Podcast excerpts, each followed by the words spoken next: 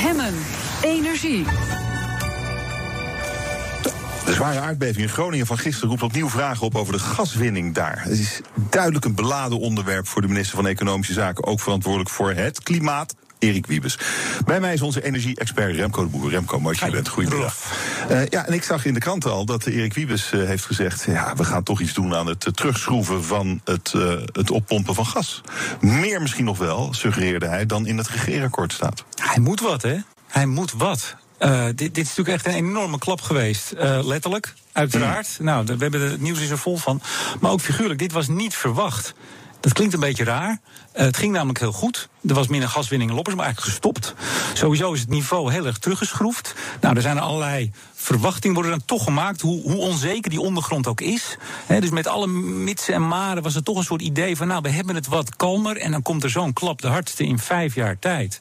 Ja, en dan kan je als politicus, dan kan je als minister natuurlijk niet zeggen, nou, recht zo die gaat. Ja, en bam, uh, nog prominenter dan het al was. Het onderwerp energie, klimaat op de politieke agenda. Ja, want dat, dat is denk ik wel een, een langere lijn die we zien, of een duidelijkere mm. lijn, ook in andere landen, kunnen we het zo even over hebben, dat energie, klimaat meer op de agenda komt. Ik had gisteren gesprek met een, een directeur van een energiebedrijf.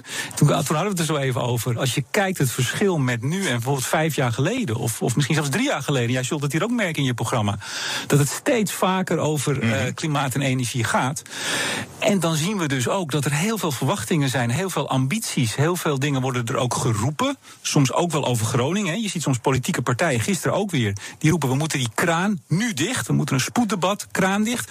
Ja. Maar als je dat gebruik van het aardgas niet afbouwt. Wij hebben in Nederland niet nu een ambitieus, reëel, hard afbouwplan in de zin van het gebruik. Nee, geen alternatief ook. Nou ja, alternatieven zijn altijd ja, stroom. Rusland. Maar goed, ja, en Rusland, ja. er zijn alternatieven. Maar het is niet zo dat er nu een plan ligt waarmee we dat gebruiken. En ik heb nog even opgezocht. 39 miljard kuub vorig jaar hebben we gebruikt. Uh, dat is er niet. Ja, dan kan je dus wel roepen. En niet zo lang geleden hadden we het er ook over. Hè. Dat roepen ze op, op een lager niveau, ja, gemeentes. Ja, dat kan dus niet. En dan geef je ook de mensen in Groningen het beeld van... nou ja, het is een kwestie van de knop om en dan zijn we er vanaf. Ja, dat is dus niet zo. En, en toch zijn Wiebes dat ook weer.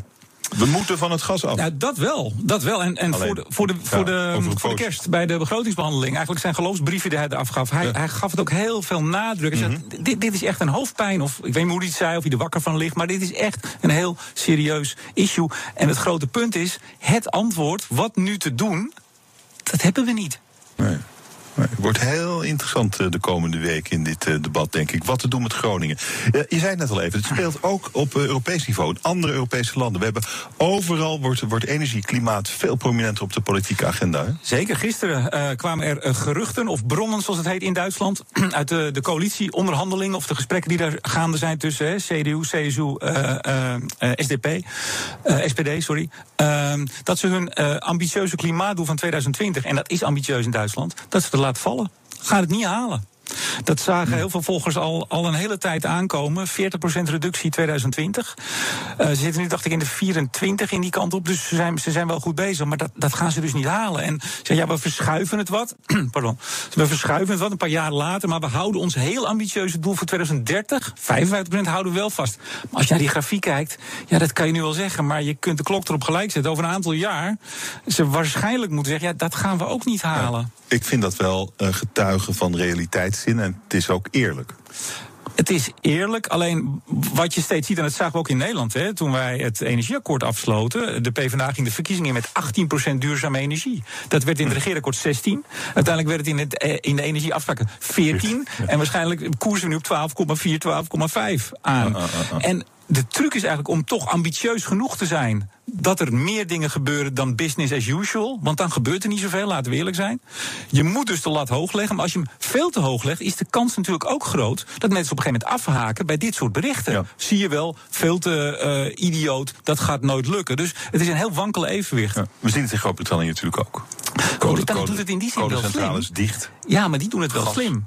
Precies, die zet op gas in. Kolencentrales, die waren ook heel oud. Daar moest wat mee. Nou, die maar dicht. Op gas. Kernenergie, bouwen een nieuwe kerncentrale, hebben er een aantal. En op duurzaam. En ik heb nog even het grafiekje van de week getwitterd met hun uh, broeikasgasuitstoot. Die gaat echt flink naar beneden. Ja, en Duitsland heeft natuurlijk heel bijna dogmatisch ingezet op de, de, de ausstieg van uh, kernenergie. Ja. Atoomausstieg. En ja, dat, dat breekt ze nu op. Hadden ze misschien beter niet kunnen doen. Uh, ja, maar ook toen was al bekend dat, dat die klimaatdoelen er waren. Hè? Dus het, het, is niet zo van we zijn overvallen door het feit dat we ineens moeten reduceren. Was toen ook bekend. Fukushima. Zeker.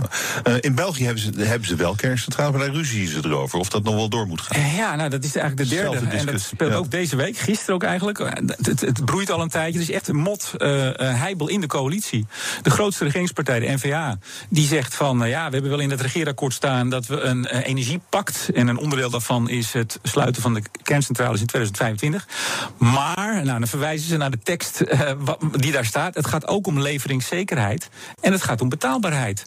En zij zien dat eigenlijk, uh, uh, als ik het heel kort samenvat, niet zitten. Dat dat goed gaat. Dus die willen van die afspraak af. Zeggen ook dat dat kan onder de tekst. Nou, de andere partijen die zijn daar natuurlijk boos over. Die zeggen nee, we moeten in dit, deze regeerperiode dat doen.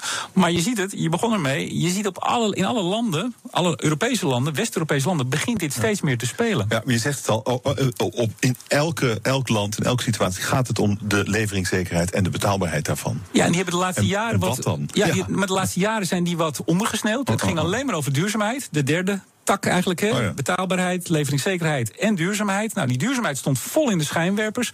En nu komen we, je kan het ook positief duiden, we komen nu aan op een punt dat de mooie woorden niet meer kunnen, niet meer lukken. Niet alleen op lokaal niveau, maar dus ook landelijk, Europees. Je moet wat. Wij willen geen kernenergie. We hebben nog één kleine kerncentrale, maar nieuw mag niet. Steenkool moet in 2030 in Nederland uh, verboden zijn eigenlijk. Het kabinet kijkt naar een wet om dat echt wettelijk te verbieden. En we moeten van het gas af.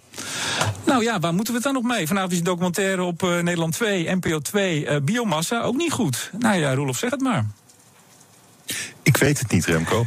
ik denk, nou, ik, denk, ik, ik weet het ook niet, maar ik denk ik wel. hout ja, en gas eigenlijk. Wat, wat, ik denk dat we moeten doen, meer dan de afgelopen jaren, is dat we de nadelen en de voordelen van al die energiesoorten, dat we die in samenhang bekijken. Ook in het publieke debat, ook in de media. En niet alleen maar een itempje doen over, uh, uh, over biomassa, over steenkool, over kernenergie. Want er komt altijd naar voren, dat willen we niet, dat is niet goed. Maar je moet wat. Mm -mm. Dus bekijk het nou in samenhang. En dan moeten we tot eerlijke, harde keuzes komen. Ik denk dat dat de enige weg voorwaarts is. Dankjewel, energie-expert Remco de Boer. Dank je zeer.